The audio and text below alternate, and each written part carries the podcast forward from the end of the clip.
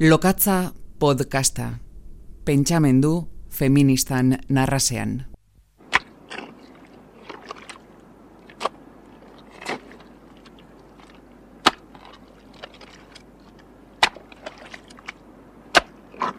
Afrikako herri txipi batean aurtikiak ginen orain dela hogoita hamar urte pasa.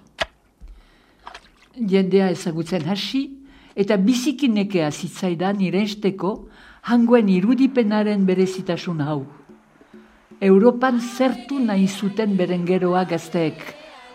Pasaporte bat edukitzea zuten helmuga, bisa amets.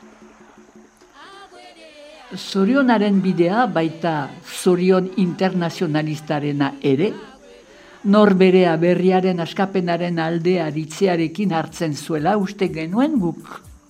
Eta ez, hango gure hau helburu geilena partitzea zen, leku aldatzea, urrun abiatzea, norbere aberria alde batera ustea. Askok lortzen zuten. Astero, bospaseika gaztea abiatzen ziren handik. Hogoi urte ingurukoak neska eta mutil. Ez zuten huts bat usten, baina Santomeko gure herri tipi hartan, hamazortzi urtez behetikoak biztanleria osoaren eguneko berroita hamarra ziren. Afrikako nazio gehienetan gehien handian berdina da zifra. Zeharkaldian egazkin espartitzea, Santomen barneratu genuen arrakasta bezala bizi dute migranten senide eta adiskideek, inbertsioa da. Euskal Herrian ere ezagutu dugu holakorik. Olatua osatu zuten berrogoita hamarretan Kaliforniara joan zirenak, Donibane garaziko bidaia agentzia batek dena antolatuta. Hemen sobran sentitu, eta han, santzak itzikatzeko aukera ona bazelakoan abiatu ziren. Malkoak bezalako sentimendu gazigo zuen arrastoa utzi zuten. Arriskoa, urruntasuna, behin betiko joatea.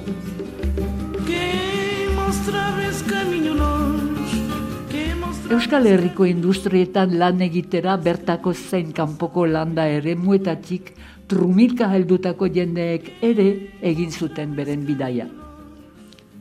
Ta hau da galdera. Egiazko immigrazioa gorpuzten ari da gure baitan. Zergatik abiatzen dira jende gazteak gizonak batez ere, planetaren leku pobretuetatik kolonialismarekin lotua da hau, osoki. Ez da beste erantzunik. Seguro hobekiago bizitzeko tigria indartsua dela migrante bakotsaren baitan. Baina ez dago mugimendu orokorrik, planteamendu hori atxikitzen duenik. Ez da ere ideologiarik, ezin jasanezko pobreziari esplikaziorik eskaintzen dionik. Are gutxiago, herri bakotsaren historioan oraingoa kokatzen duenik alta, salak eta irun daiteke, justizia aldarrika daiteke, esklabotasuna kolonialismoarekin, zigorpeko bortxazko lanekin, eta egungo ontasunen ebastearekin harilkatuz. Europak, baina, besterik hautatu du. Hautatu du beldurra, hautatu du itxitura, jiten diren behargin gaiak kanpoan usteko. Si vos escrever, monta escrever. Berden boran, bidaia agentzia baten iragarki bi gara, iparraldeko iratiko gunean aspaldi, bidaiatzeak jendea maltsotzen du eta zintzo bilakarazten omen, eta bidaiak emendatuz lekuak dirustatzen sos publikoarekin bide eta ekipamenduak eraikitzeko, eta alboan diru pribatuarekin gasolinerak, hotel edo kanpinen betezeko programazioak antolatzen. Ahantzi gabe, horiek guziak interpretatu daitezkeela erdiaroko santio bidearen arra bizitzea bezala. Bi turismoaren garapenarako. Horra, itzuria garaz autometik, hona. Auskaloz autometarrak nora itzuriko diren. Saudades, minha terra, em claro.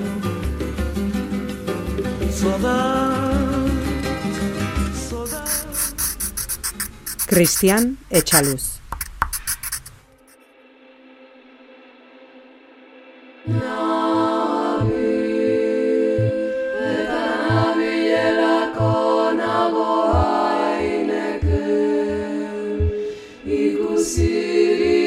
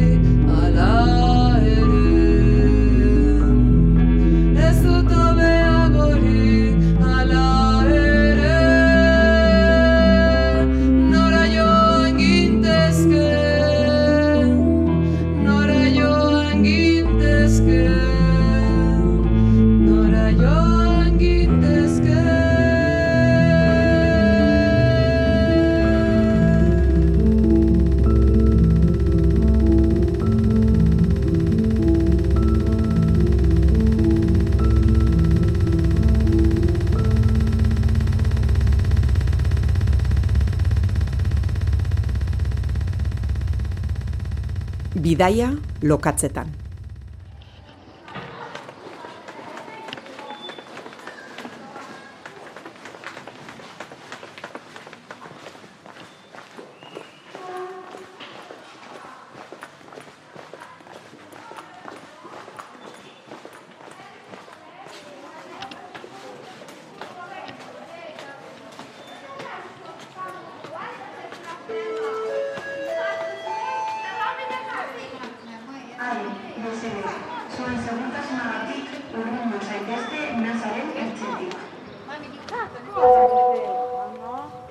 Kaixo, esto irunen e, grabatu genituen bi migranten izenak idatziz jaso zenituen ez da? Nola bia? Idatziz ez, baina esango nuke mugikorrean apuntatu nuela zerbait. Diara Guaraba eta Dumbia Fatumata, hoiek dia izenak, hogeita lau urte lehenak, hogei bigarrenak, bolikostakoak biak. Bonjour. Un peu plus haut, s'il vous plaît. Bonjour. Je m'appelle Diara, Diara Waraba. Yo me llamo Fatoumata Doumbia.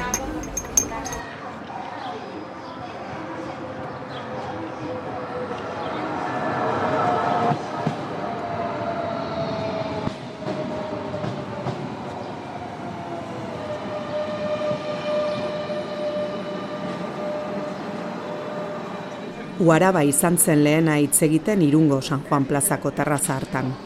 Gabonetako goiz hotz batean. Kafesne basokada beroari estu heltzen zion bitartean. Je viens de la Côte d'Ivoire. J'ai traversé l'eau. On a traversé l'eau pour, pour l'Espagne. On a quitté à Dakla, au Maroc. Bolikostatik zetorrela. Putzua zeharkatu zuela Europara heltzeko. Daklatik biatuta Teneriferaino iristeko. On a, on a bougé au Tenerife. Je suis quitté de Côte d'Ivoire, j'ai fait 4 mois. J'ai fait 4 mois en route avant d'arriver. Lau hilabete joan zitzaizkiola sorterritik daklarainoko bidean. Han beste hilabete bat egin zuela lanean, putzua zeharkatzeko sosak lortzearren. Dans le cinquième mois, maintenant, je suis rentrée en Espagne. J'ai j'ai- j'ai travaillé, j'ai fait... eh, Sardinak sailkatzen aritu zenan. Hori baita daklaren aberastasun iturri nagusia. Arrainaren esportazioa Europara.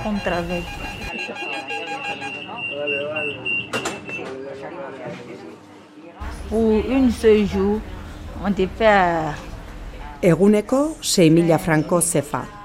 Larogeita amasei dirham. Bederatzi euro. Horra haren soldata. Haren matematika. En tout cas, chez nous, ça fait 6 000 par jour. 6 000 francs CFA.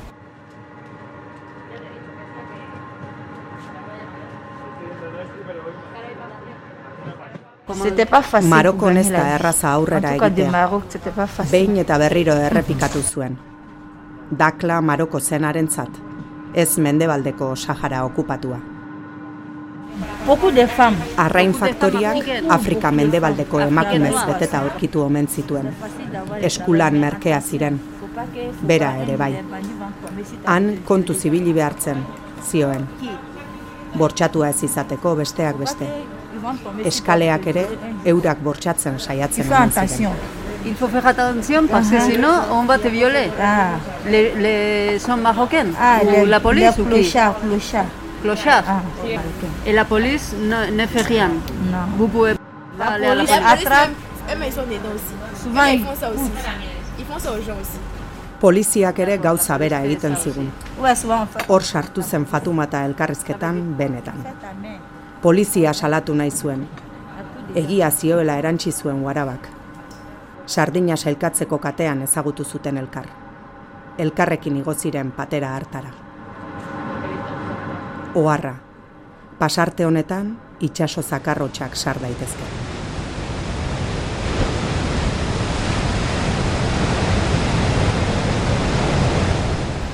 On a fait 4 jours l'eau.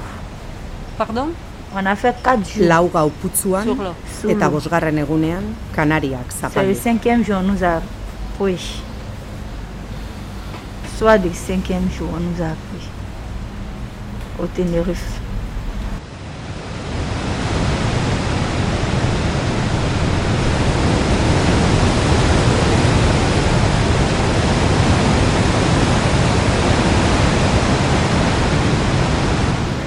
Le voyage de bateau. Seireun milana dirham pagatu zituzten zeharkaldia egina alizateko. Hogeita lau pertsona ziren txalupa txikian.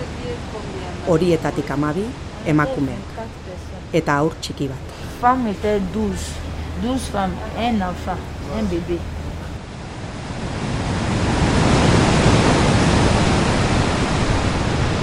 Et la mer, c'était parce que je pense que c'était très mauvais temps maintenant. C'était mauvais l'eau. Ça va comme ça, ça va être si long dans le bateau. Le bateau va comme ça, ça va comme ça. C'était pas facile. Itxaso zakarra, olatu Un gogorrak, txalupa zabuka, beldurra, Et vous avez eu de justu la- justu iritsi ziren lehorrera. Janaria eta ura bien. Europan zeuden baina, pozik. On est arrivé. Avant qu'on va arriver, beaucoup avaient perdu d'espoir. On n'arrive pas, on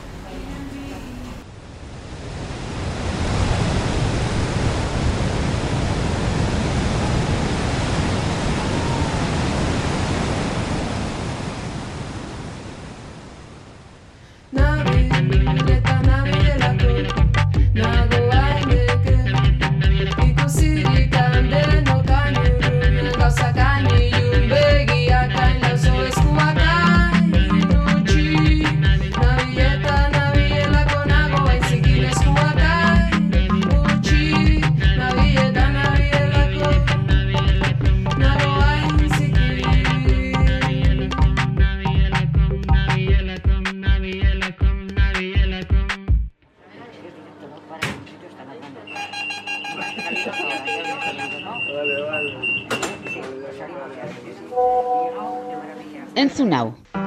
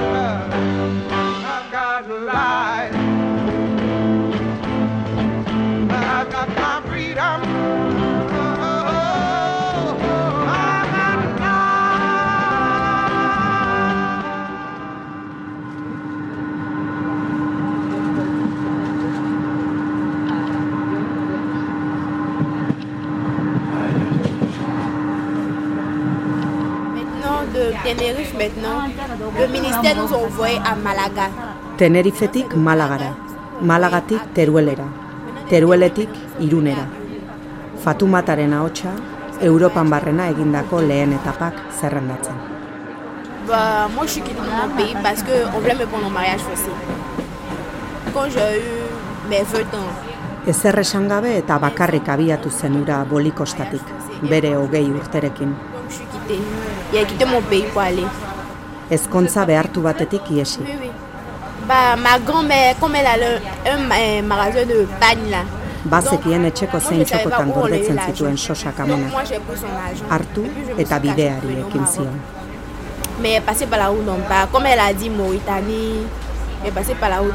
Mauritaniatik barrena, uarabarekin bat egin zuen arte. Jusqu'à.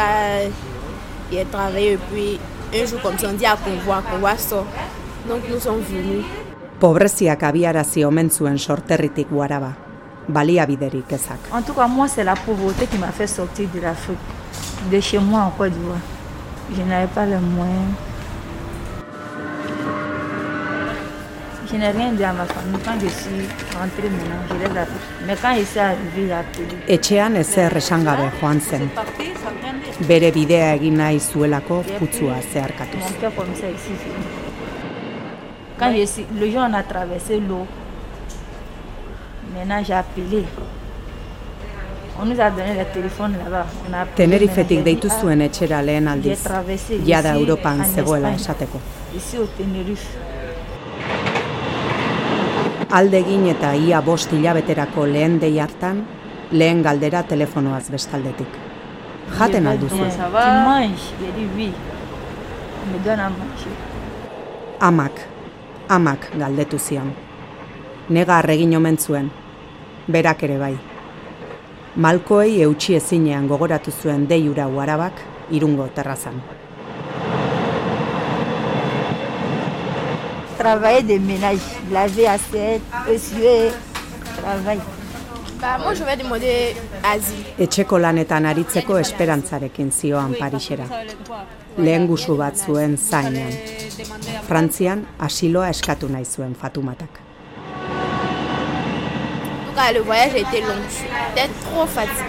Akituta gaude esan eta autobuseran zabiatu ziren.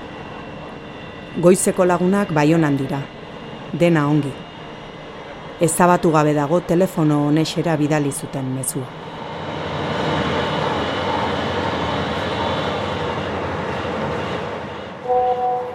Hementxe, Erzin Boskaren poemaren itzulpena.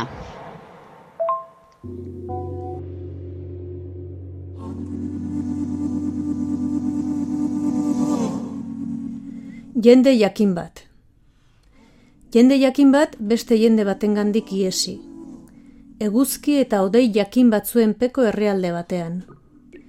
Euren guztia dena atzean utziz. Errindako lurrak, olio zakur jakin batzuk, orain sua baino islatzen ez duten ispiluak. Bizkarrean daramatzate fardel eta pegarrak. Gero eta ustuago, orduan eta astunagoak. Akidura isilean gertatzen da. Inori ogia kentzea, inoren umeila kulunkatzea, anabasaren erdian. Euren aurrean etengabeko hemendik ez bat. Ur bitxiki gorrikara gaineko zubia, ez da hori behar dutena. Inguruan tiro batzuk, batzuetan gertuago, besteetan urrunago. Zeruan biraka dabilela dirudien hegazkin bat ondo etorliteke ikusezin izateren bat. Arritza ilun bat.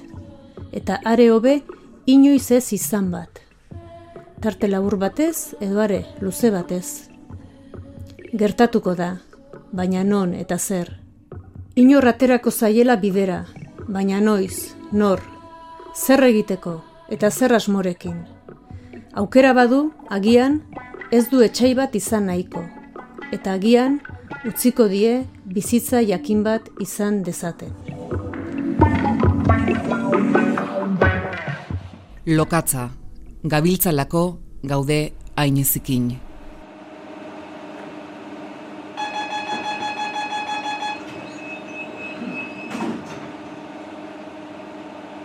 Oharra.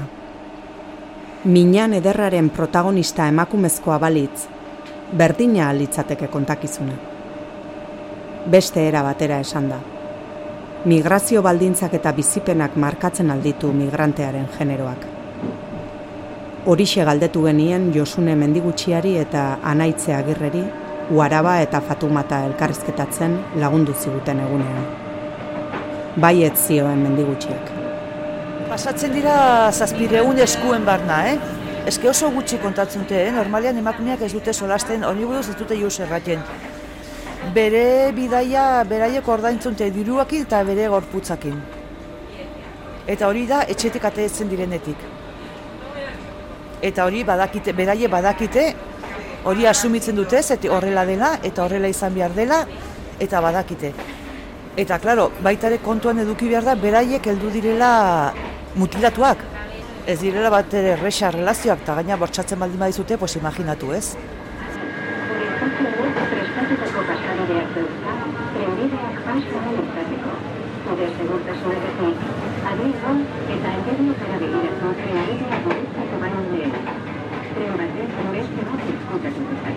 Irunera iritsi denak, izagutu dutenak e, mutikoak bidean, eta hartu dute, como, bueno, nik honekin viajatuko dut, ze, Babesle. segurtasun pixkat ematen dit, ez? Eta hor ere ordaindu behar dute. Ze bere, ni zurekin viajatuko dut e, segurtasunagatik, baina kontran, pues, utzi beharko naiz. Ze da, utzi beharko naiz, ez? Eta iristen dire, pues, bi umekin, hiru umekin, etorri dire, az, a, osea, jaio direla bidaian, ez? Pues bat jaio Marroko zen, binon igual urrengoa jaio da hemen e, Algeciras, do Cadizen, ez? Eta gero ikusten duzu kriston tripakin, azaber non jaio behar den beste hirugarrena. Asumitzen dute horrela izan behar dela eta horrela dela.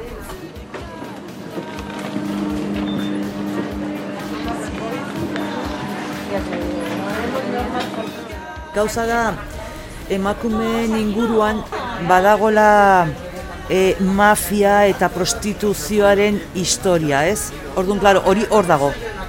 Hori hor dago eta beraie dauka, daukate gizonde binon arrisku gehiago, noski, emakume izategatik bakarra. Eta hori ere hor dago. Osa, guk ez dakigu, e, gero, e, hemendik pasadira ez daki zenbat emakume gazteak pila bat. Ez dakigu nonak autu duten. Eduki dugu historiak, hemen agertu ziren bi neskatxa oso gazteak, ni kalkulantu nuen amabos, amasei urte, urte zituztela, ni gautxorin nintzen, eta ez diguten kasorikan egin. Eta hori zen tipo bat, eraman zitun, eta gu segitu genuen. Segitu genuen, eta aurkitu genuen pabelloi bat hemen irunen han, eta hor sartu zituzten, eta bueno, gu joan ginen poliziara. Eta erran genuen, pues, hau ikusi dugu eta horti badakigu zerbait movimentua poliziak egin zula eta norbait harrapatu zuten. Bin eskatxa gazte horiek zirela dos preciosidades, erraten duzu nonak autu behar dute. Pues agian badakigu nonak autu behar duten. Neske gauza da ezin dugula jauzer egin ez da ere. Ez, zete, agian beraiek hasieratik ordaindu dute bidaia eta ja tipo neri ordaindu diote. Eta tipo honek hartu behar ditu. Gautxoriak, irungo harrera sareak, gauez, trenez eta autobusez iristen diren migrantei laguntzeko sortutako zerbitzua. Gurutze gorriaren atxeden gunean ondagoen jakinarazteko heldu berriei, garbitzeko eta lo egiteko aukera izan dezaten. Arropategia eta eguneko harrera zerbitzu ere eskaintzen dituzte. Irungo erdigunean daukate bulego berezia. San Juan plazan bai, kalean bertan. Hombre, azten ditugun emakumeak, e, orain pixkot gehiago, pixkot, pixkot bakarra lasaiago binon. Azten ditugun emakume erdia binon gehiago, ez dira hemendi pasatzen. Gu jasotzen ditugu gauean, eramaten ditugu gurutze gorrira, kontatzen dugu historia guzia, bihar goizean plazan gaude, etorri gure gana, hitz egingo dugu zuekin, errango dizuen nola pasatzen duzuen muga eta hori guzia, ez? Erdia binon gehiago, ez dire gure eskuti pasatzen. Urrengo gunean ez dakigu non dauden. Desagertuta. Ez dakigu nola joan diren, desagertzen dira. Eta horrek ere, jo, beti erran dugu zer raro, ez, eti mutilak etortzen dira. Hemen egoten dira gurekin, igual egun bat diegun, do, kriston prisakin, bai hori bai denak, kriston prisakin, minen, bueno, etortzen dire. Emakumeak ez dira agertzen. Eta jo, nik egin ditut batzuetan segimiento da, de, e, gauean gurutze gorrira eraman eta goizean goiz hamarra binon lehen gurutze gorrien barna pasa. Ez dut inoiz ezer ikusi. Bakarra badakit desagertu direla. Deitzen dut, galdetzen dut eta desagertu direla eta nun daude ez dakigu. Erdia binon gehigo, eh? Orduan ez dakit ze ze kontratua do ze bidaia modu aukaten do ze kontxaz daukaten hor, ez dakiz zer den, binon emakumena da, ah, rarua, oso rarua. Egun batean gautxori bat egiten eta bos, sei emakume aurrekin hor paseo kolonien barna, paser batekin. Ai ba, la virgen, ze ostras. Bueno, hasi ginen movimiento seguimiento. Karretera erdian kotxea utzi, furgoneta bat daukagu en plan los hombres de Harrelson. Ideki ateak, hortik atera ginen. A ber, nora zoazte, benga, torri gurekin gurutze gordiaz eta e, tipoa moskeatua, emakumeak ez diguten kasorikan egiten, segitzen ziren guko furgonetakin beraien atzetik, e, azkenin hartu genitun denak. Emakume guztiak eta hor guztiak gurutze gordia joan ziren. Nion, emakumea flipatzen ari ziren, zertik, klaro, beraiek iritsi ziren onera, eta paser hori hor zagon. Orduan, horrekin joan ziren, eta agertzen da furgoneta bat, Ateatzen dira, bi emakume eta gizon bat. Ez, ez, ez, ez, ez, ez, ez, ez, ezin zate txuriak. Eta olako historiak egiten duzula erraten duzu, bueno, sartzen dituzuena gurutze horren eta erraten duzu. Toma, ez dakit ongi egin duten, do gaizki duten, ez dakit. Minon behintzat, emakume hauek eta aurroiek gurutze gorrian daude. Horiek guztiak ala izanik ere, anaitze agirrek beharrezkotzat jo zuen nabardura batzuk egitea.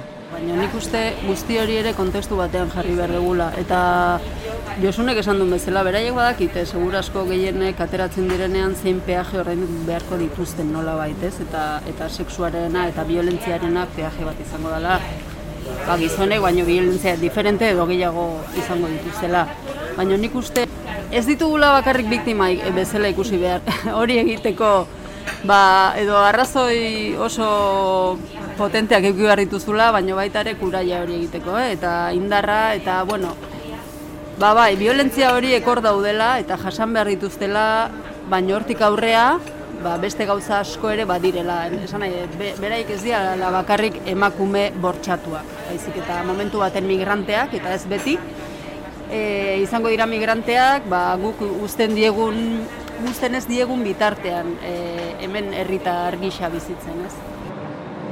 Batzuk e, espektatiba batzuk dituzte, beste batzuk beste, beste batzuk, baina ez dago modelo bat, ez dago emakume bat. Emakume asko daude, ba, batzuk hori, e, honek bezala bizitza hobeago bat izateko, beste batek ba, mutilazio genitalagatik. Beste batek ezkontza ezko, ezkondu egin nahi zutelako. Beste bat ere topatu genuen lesbiana zala eta honea zitorrela han ba ezintzulako bizitza erdi normal bat egin, hemen agian hobeto bizi izan zitekelako edo asilo askatu behintzat. Ez dago modelo bat, asko dira. Gehienek ba dituzela orokorrean gauza ba hori e, komunean, ez? Ba bueno, violentzia tal baino nik uste hortik aratago begiratu behar dugula, ze azkenen guk nik uste berriro egingo ditugula biktima eta horrela tratatu azkenean horren problema da nola tratatuko ditugun eta horrek eragina izango dula azkenean bere bizitza. Baita ere jartzen dugu fokoa eta aurkezten ditugu mehatxu bat bezala, azkenean horretaz ari beti eta horregatik e, noizbenka botatzen dugu mafiena eta trafikoarena eta hori da nahi badezue instituzioen diskursoa, Claro, eske horrela erakusten badiogu iritzi publikoari, horrela justifikatu ahal izango ditugu gero hartzen ditugun neurriak eta guk iritzi publiko bezala onartuko ditugu.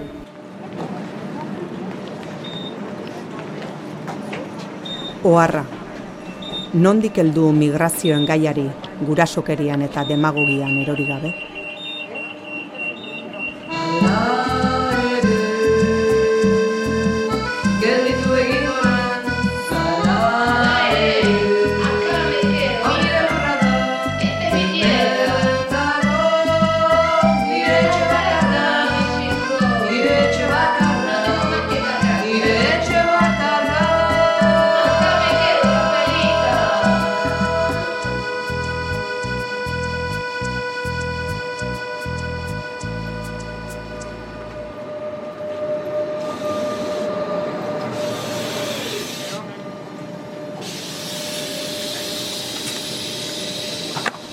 Hirugarren negua gainditu du harrera sareak. Hasieran lakasitan ginen gaztetxean, gordeta, ez zigun inork ikusten, jendea ez zekin ezer, eh? zer egiten genuen, ze pasatzen zen ez zekin ezer. E, plazatik ez digute mugitu, eta egiten dugu okupazion de espazio publiko, berez ezin da egin. Ez digute hortik mugitu inoiz.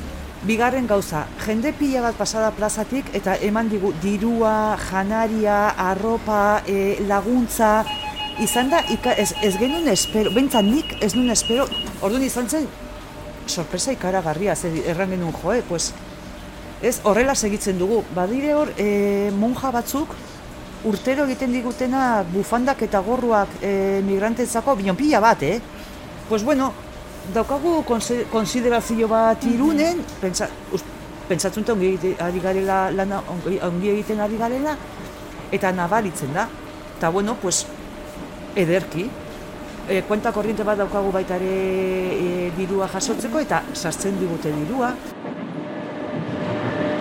Kasi ginen, esan dezakegu hor daukagula fetxa, e, 2018ko ustaiaren hogeita zazpian, ez? Hogeita zazpi hemen egin genuen bai. gosari simboliko gura, esateko aber hemen jende dago, eta ze gertatzen da hauekin, ez? Eta bai, osea, jendearena, irungo jendearena eta ingurukoena izan da harrigarria.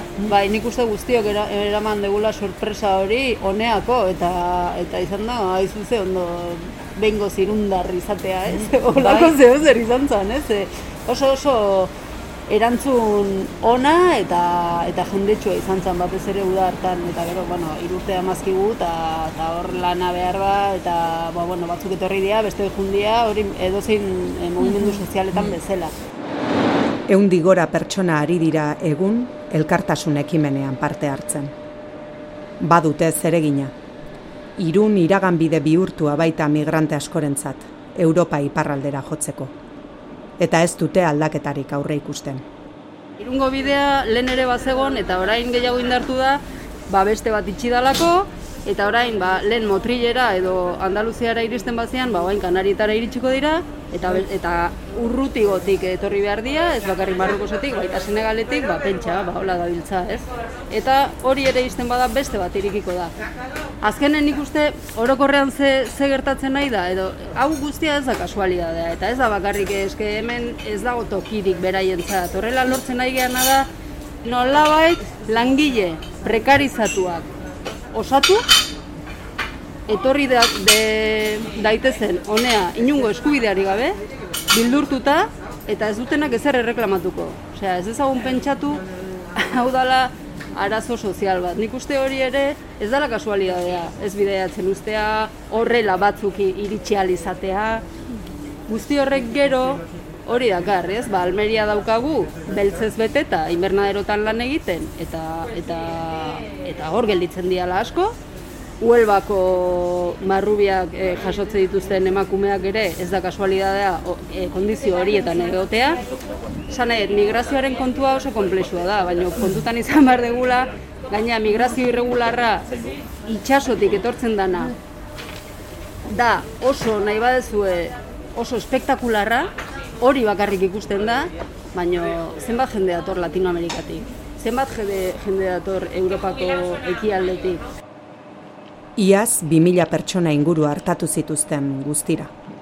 Nik uste, eta bestela Josunek zuzenduko dit, e, gehienak, gehienak datoz e, Afrika mendebaldetik. Senegal, Bolikosta, Guinea Conakry, Guinea, Mali. Mali Eta, Eta- eta, baten bat suelto beste bino bestaldetik, gehienak. baino gehientsuenak hortik. E, nik uste, batetik dela, guain momentu honetan, e, azken aldi honetan, adibidez, Senegaldik jende gehiago dator, COVID-aren kontuagatik. COVID-aren kontuarekin, han lan pila bat pikutara joan dialako, eta orduan jendeak erabaki du alde egitea, edo adibidez, arrainarekin. Ezin dutelako argantzara atera, ba, hemendik hartzen digu- di- degulako guk arraina. Orduan, baino pixka bat inguru hura da, eta batez ere azkenen zer daukazu horren atzean. Dagoela desegonkortasun izugarria herrialde haietan. Eta batean arazo politikoak ez daudenean, best, ondo joan da, eta, eta horregatik jende asko asiloa eskatu behar du, eta alde egin, edo, bueno, kontua hori da, ez? Eta hori kontesto globalean jarrita ere, beraien erantzukizuna da, baina ez bakarrik beraiena, Mhm. ez? Azkenean, bueno, kontu guzti hori. Eta zergatik pasatzen dira irundik eta zergatik jarraitze dute? Ba, asko, kolonia frantsesak izan dialako eta bakarrik hizkuntzagatik ja errazago daukatu, daukatelako, e, Frantziara jutea zean e, Afrikar gehiago dagoelako eta hizkuntzagatik ja hobeto moldatuko dialako. Edo bestela adibidez Alemaniara, ba, asilo legeak hemen baino hobeagoak dialako,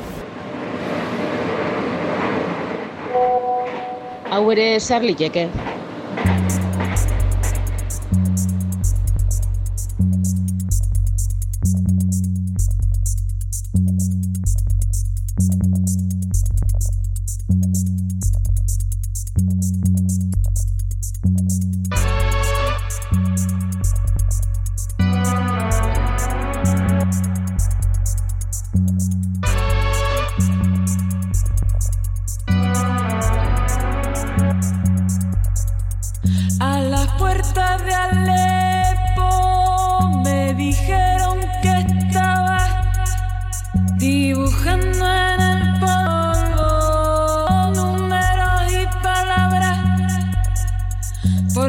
Las calles de Atenas. Yo oí que me llamaba y se ahogaba mi nombre entre el humo y la llama. Te vieron en Melilla, arriba de la valla. Subiste y me dejaste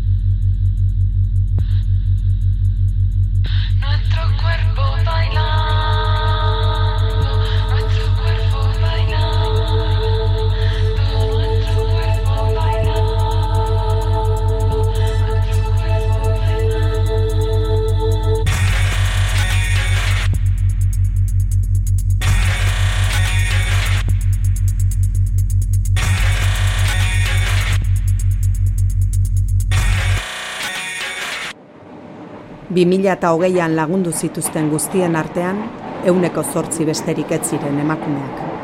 Egia da, e, oso, ikusten dela hemen, jo, ba, naiz eta hori, e, bidaia, ba, olako egoeran egin behar izan gizonak nolabait lasaiago dabiltzala, osea, emakume batekin hitz egiteko Osea, elkarrezketa txiki bat eh, izateko oso oso zaila izaten da normalean, ez? Eh? Edatoz, helburu jakin batekin, hemendik pasa, aldein, iritsi behar dian tokira iritsi, eta listo, osea, utziazu pakean, eta batzutan ere ikusten dugu beste bide batzuk, edo beste modu batean bidaiatzen dutela baita ere, hau, gizonezkoak datoz, bueno, jungo gera egiten pixka bat, ez? Eta emakumezkoek ikusten duguna da gauza lotuagoa daukatela. Nik topatu de jendea, ez zeukala ez da telefono bat iristeko, osea, emakumezkoak, eta, eta bueno, pasatu diala muga guztietan, esaten zian, muga guztietan, peajea ordaindu behar izan dut, e, mugako poliziarekin, eta tal, eta tal. Ba, hori hola da, baina, bueno, aurrea jarraituko dut. Eta tratarena, komentatzen zenuna, batzuk badakite ja, tratan joango dial, etorriko diala, zea bat ukiko dutela, zor bat, eta ordaindu arte horre egon beharko diala, eta gero igual ba, bizitza, bere bizitza egingo dutela, ez? Esan nahi dut, kontua oso komplejua dela. Eta gero, esan behar dena da, hemen parte ematen badute, tratan daudela, legeak tratatzen ditula inmigrante irregularrak bezala. Osea, babesa eman dio, ematen diotela, ba, de aquella manera. Orduan horregatik askok ez dute ez dute denuntziatzen, eta batez ere, ez, Josunek esaten zuen bezala, ez, gero, gaina familian daukate, eta haiek ere igual mehatxatuta daude ez. Orduan kontua oso oso komplejua da, oso. Oharra, Uarsan Xireren poemarekin bukatu behar da atala. Inork ez du bere etxea uzten, etxe hori marrazo baten ahoa bihurtu ez bada. Ez zara mugaraino lasterka abiatzen hiri osoak gauza bera egin duela ikusten ez baduzu. Auzoak saltaka, zeu baino bizkorrago. Odolatxa eztarrian behera. Eskolakide zenuen mutikoark fabrikatzean zorabiatzeraino musukatu zintuenak, bera baino handiagoa den arma bati eusten dio. Zure etxea atzen uzten duzu, zure etxeak geratzen uzten ez dizunean soilik. Inork ez du bere etxea uzten, ezpada etxea segika daukalako, sua oinpean, odola sabelean irakiten. Sekula etzen nuen pentsatu alakorik egitea, burdina goria sentitu zenuen arte, zintzurrari mehatxuka. Ereserkia arnasetan bildu zenuen orduan ere, baina, zure pasaportea txiki-txiki egin zenuen aireportuko komunetan, negarzo tinka, paper puska bakoitzak sekula etzinela itzuliko erakusten zitzula. Inork ez ditu bere umeak patera batera igotzen. Ulertu egin behar duzu hori. ura lurra baino seguruago ez bada. Inork ez ditu esku aurrak trenazpietan, bagoietan erretzen, inork ez ditu gau eta egun osoak kamioi baten erraietan pasatzen, egunkari horri janean, egindako kilometroak bidaia soil bat baino zerbait gehiago ez badira. Inor ez da esi azpietaran arrasean abiatzen, inork ez du egurra jaso eta errukia piztu nahi, inork ez ditu errefusiatu eremuak aukeratzen, ez da norbere gorputz biluzia harakatuta sentitzeak sortzen duen mina ere. Inork ez du kartzela aukeratzen, baina sutan dagoen iria baino seguruagoa da kartzela, eta hobea da kartzelako zaindari bat, zure aitalako gizonez betetako kamioi bat baino. Inork ezingo luke jasan. Inork ez luke adorerik. Inork ez luke larrua behar beste zaildua. Zoazte zeuon etxera beltzak, errefusiatuak, imigrante zikinak, asilo bilatzaileak, gurea dena lapurtu nahi digute, beltz eskaleak usain berezia daukate, basatiak, beren herria txikitu ostean geurea txikitzera datoz, horiek denak.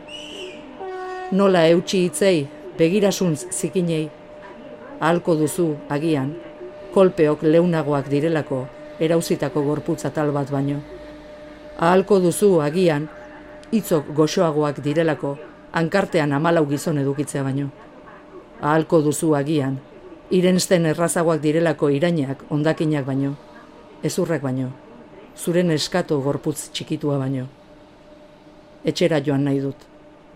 Nire etxea marrazo baten ahoa da, baina.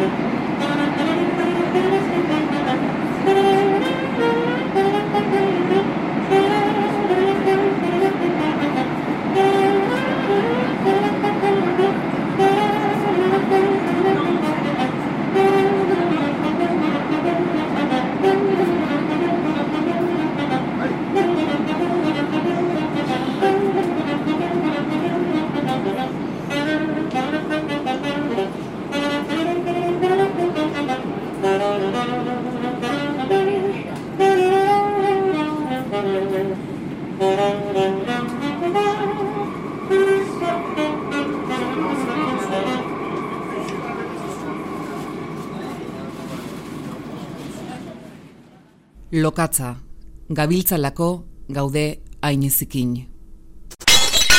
Ai, gure joaneteak.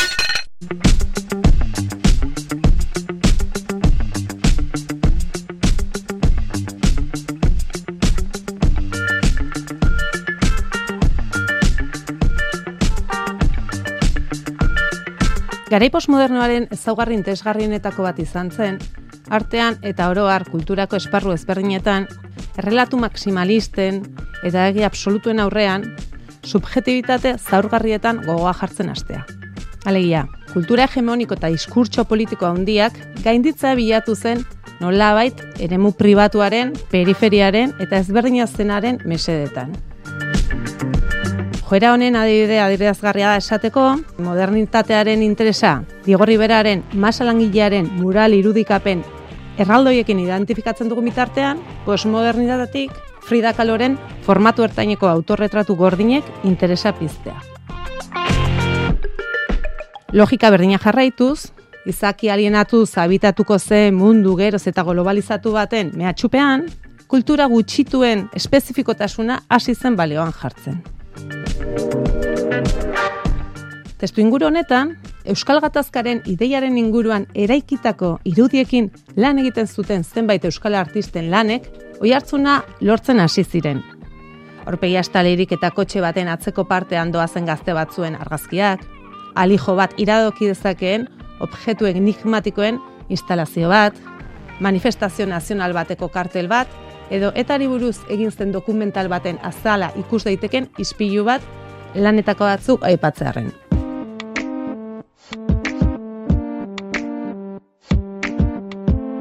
Material mota hau abordatzerako garaian, artistek beti aldarrikatu izan zuten unibertso horren atzean eskuta ziteken ideologia konkretu batekiko posizio distantziatu bat. Ideia ez zen aldeko edo kontrako lan bat egitea. Aizik eta emana zetorkien irudi baten arrarotza saiakera bat. Artearen lenguaia espezifikotik zentzu propioa dukiko zuten irudiak ekoiztea. Izan zeinu hoiek ustuz edo kontrara kainkarkatuz. Belaunaldi eta testu inguru berdinekoak ziren, erreferente feministekin lanean ziar duten beste zenbait emakumezko artista. Gogora ditzagun, Brooklyngo zubian, zutik txiza egiten dagoen emakumearen bideoa, Lady Fest moduko festa boieren flyer zatiak kalkatuz egindako publikazioa, edota dieta hitza sabel aragitsu batean mugitzen dituen bi eskuen bideoa. Guztiak uste izango zuten arte pieza bat politikoa izango zela, baldin eta pieza hori arte ona bazen. Eta zentzu horretan, arte politikoa etiketa saiestuko dugu. Hala ere, evidentea zen, bai batzuk eta bai besteak ere, sakonki politikoa zen unibertsio referentzial bat zutela eskuartean. Ezberdintzen zintuena, iruditeri horrekiko distantzia ideologiko bat aldarrikatzeko beharra zen. Violentziaren irudiak begiratzea edo feminismotik lan egitea alegia. Baliteke, esparru politiko feminista oso esparru informea izatea garaian.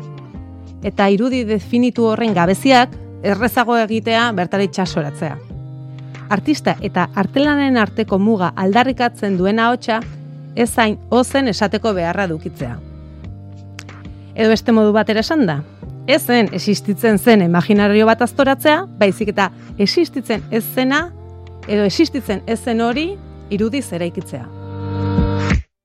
Baliteke ere, ez interes berdina piztea artista batek eta eren violentzia kondenatuko zuen edo ez jakitea edo artista feminista ote zen ez galdetzea.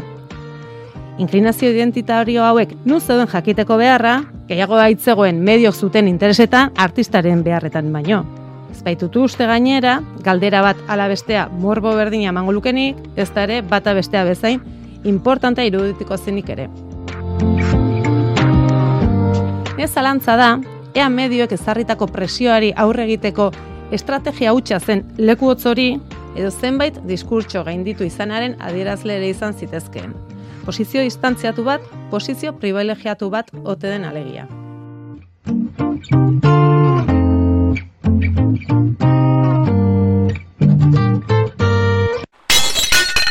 Saatxa jauregi.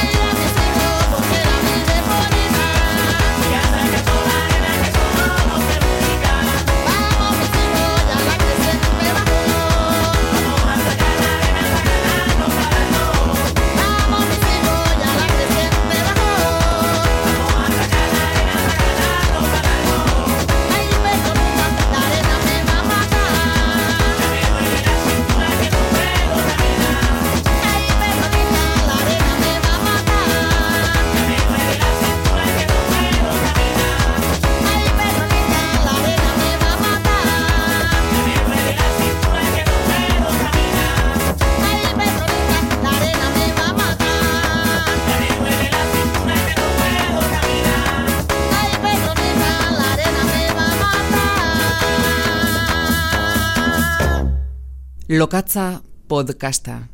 Pentsamendu feministan narrasean.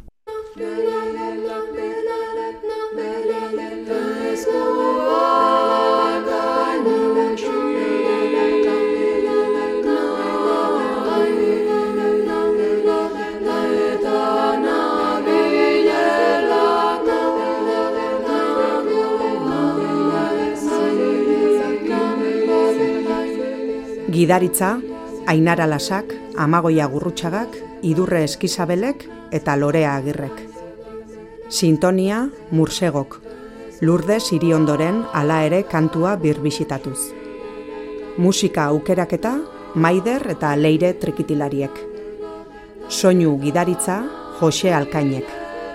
Esker bereziak, Eider Rodriguezi, Antxete Irratiari eta Maia Muruagari. Jakin Fundazioak ekoiztutako podcasta.